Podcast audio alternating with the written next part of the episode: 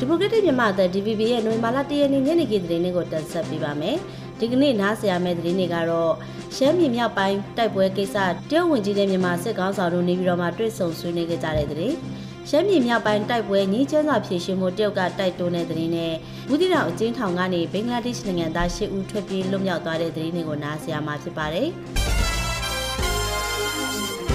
တရုတ်နိုင်ငံတော်ကောင်စီဝေပြည်သူ့လူချုပ်ရေးရာဝန်ကြီးမစ္စတာဝမ်ရှုံဟောင်ဟာမြန်မာစစ်ခေါင်းဆောင်ဗိုလ်ချုပ်မှုကြီးမြောက်လိုင်နဲ့နေပြီးတော့မှမနေ့ကတွေ့ဆုံခဲ့ပြီးလက်တလောရှမ်းပြည်နယ်မြောက်ပိုင်းမှာဖြစ်ပွားနေတဲ့တိုက်ပွဲတွေကိစ္စ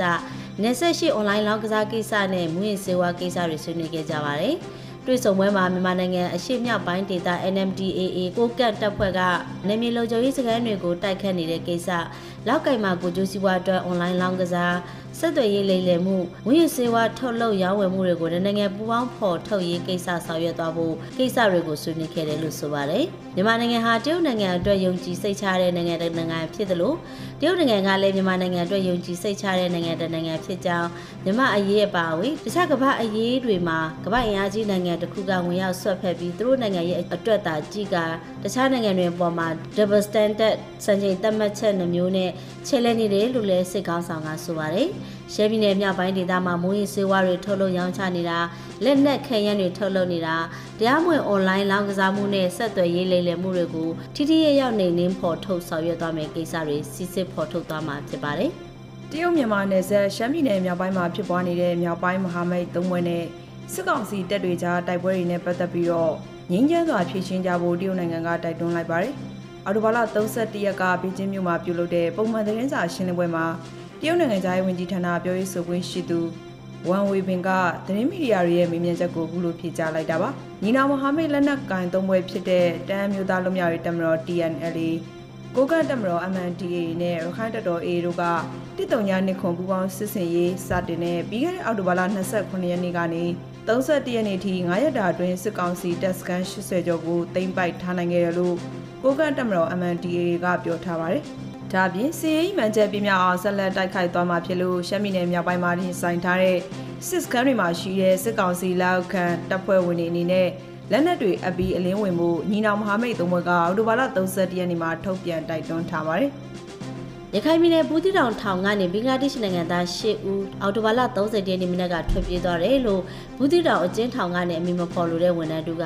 အတည်ပြုပြောပါတယ်။မြန်မာနိုင်ငံအတွင်းမှာရှိတဲ့အကျဉ်းထောင်တည်တည်မှာပြည်ထန်ချခံရပြီးလွတ်မြောက်လာသူဘင်္ဂလားဒေ့ရှ်နိုင်ငံသား198ဦးထိရှိနေပြီးသူတို့ကိုဘင်္ဂလားဒေ့ရှ်နိုင်ငံသားဟုတ်မဟုတ်စစ်ဆေးပြီးမှသာဘင်္ဂလားဒေ့ရှ်နိုင်ငံဖက်ကလက်ခံမှာဖြစ်ကြောင်းဘူးတီတောင်အကျဉ်းထောင်ကနေလွတ်လွတ်လပ်လပ်ထားရှိရမှာအခုလိုထွက်ပြေးသွားတာဖြစ်တယ်လို့တာဝန်ရှိသူတွေကပြောပါတယ်။အော်တိုဘာလ3ရက်နေ့မနေ့မြန်မာနိုင်ငံရှိအကျဉ်းထောင်တည်တည်ကနေပြန်လည်လွတ်မြောက်လာကြတဲ့ဘင်္ဂလားဒေ့ရှ်နိုင်ငံသား29ဦးကိုမောင်းနှောအဝင်အထွက်စခန်းမှာ ဘင်္ဂလားဒေ့ရှ်အစိုးရထံလွဲပြောင်းပေးအပ်လိုက်ကြောင်းတာဝန်ရှိသူစီကသိရပါဗျ။မြန်မာနိုင်ငံအကျဉ်းထောင်တည်တည်မှာလွတ်မြောက်လာတဲ့ဘင်္ဂလားဒေ့ရှ်နိုင်ငံသား198ဦးရှိနေပြီးအဲ့ဒီထဲမှာမှစစ်စစ်ပြည်သူ29ဦးကိုဘင်္ဂလားဒေ့ရှ်အစိုးရကလက်ခံခဲ့တာလည်းဖြစ်ပါတယ်။ရှမ်းပြည်နယ်တာချီလိတ်မြို့မှာမိုးတဲထောင်ရွာသွန်းတာကြောင့်မြို့ပေါ်ရက်ကွက်တချို့မှာ အော်တိုဘာလ30ရက်နေ့ညကစပြီးရေကြီးရေရှမ်းမှုတွေဖြစ်ပွားနေတယ်လို့ဒေသခံတွေကပြောပါတယ်။တာချီလိတ်မြို့မှာမိုးတဲထောင်ရွာသွန်းပြီးမဲဆိုင်ချောင်းရေရှမ်းကတာချီလိတ်မြို့မြေနိတ်ပိုင်းရက်ကွက်တွေဖြစ်တဲ့ပုံထွန်တာလော့မကာဟိုဝမ်ဝမ်ကောင်ဆမ်ဆိုင်ကခစရရက်ကွက်တွေနဲ့ဗိုလ်ချုပ်လန်တခြားရေကြီးရေရှမ်းမှုတွေဖြစ်ပွားနေပါတယ်။ အချိန်ခါမှုမိုးရွာသွန်းပြီးရေကြီးမှုကြောင့်နေပိုင်းရှိနေတွေရေဝင်ရောက်ခဲ့ပြီးအခက်ခဲလည်းရှိနေတယ်လို့တချီလိတ်ဒေသကတူက DPP ကိုပြောပါရယ်မဲဆိုင်ချောင်းရေရှမ်းနာကြောင့်တချီလိတ်မြို့ပြင်ထိုင်းနိုင်ငံမဲဆိုင်မြို့ပါရေကြီးရေရှမ်းမှုတွေဖြစ်နေတယ်လို့သူကဆက်ပြောပါရယ်တချီလိတ်မြို့မှာတပ်တူတူဖော်ရေးလုပ်ငန်းတွေကြောင့်သဘာဝပုံအင်ဂျင်တွေပျက်စီးပြီးမကြာခဏရေကြီးရေရှမ်းမှုတွေဖြစ်နေတယ်လို့ဒေသခံတွေကပြောပါရယ်တချီလေးမြို့မှာ2022ခုနှစ်ဩဂုတ်လကမိုးတဲတောင်ရွာသွန်းပြီးမဲဆိုင်ချောင်းရေရှမ်းနာကြောင့်ရေကြီးရေရှမ်းမှုဖြစ်ပွားခဲ့ပါသေးတယ်။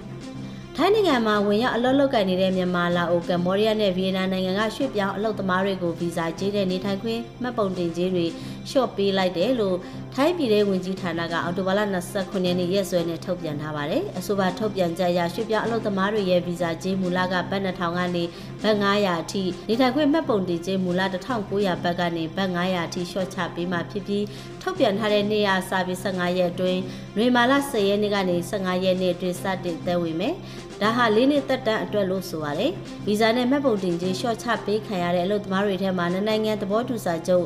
MOU စနစ်နဲ့ဝင်ရောက်လာတဲ့အလုပ်သမား PG အမျိုးသားနိုင်ငံကူးလက်မှတ်ကိုင်ဆောင်ထားတဲ့အလုပ်သမားတွေ CI ယာယီနိုင်ငံကူးလက်မှတ်အစိမ်းရောင်ကိုင်ဆောင်ထားတဲ့အလုပ်သမားတွေနေထိုင်ခွင့်အထောက်အထားရရှိရေးအမည်စင်းတင်သွင်းထားတဲ့အလုပ်သမားတွေအကျုံးဝင်ပါတယ်။ထိုင်းနိုင်ငံမှာ2023ခုနှစ်စက်တင်ဘာလအထိ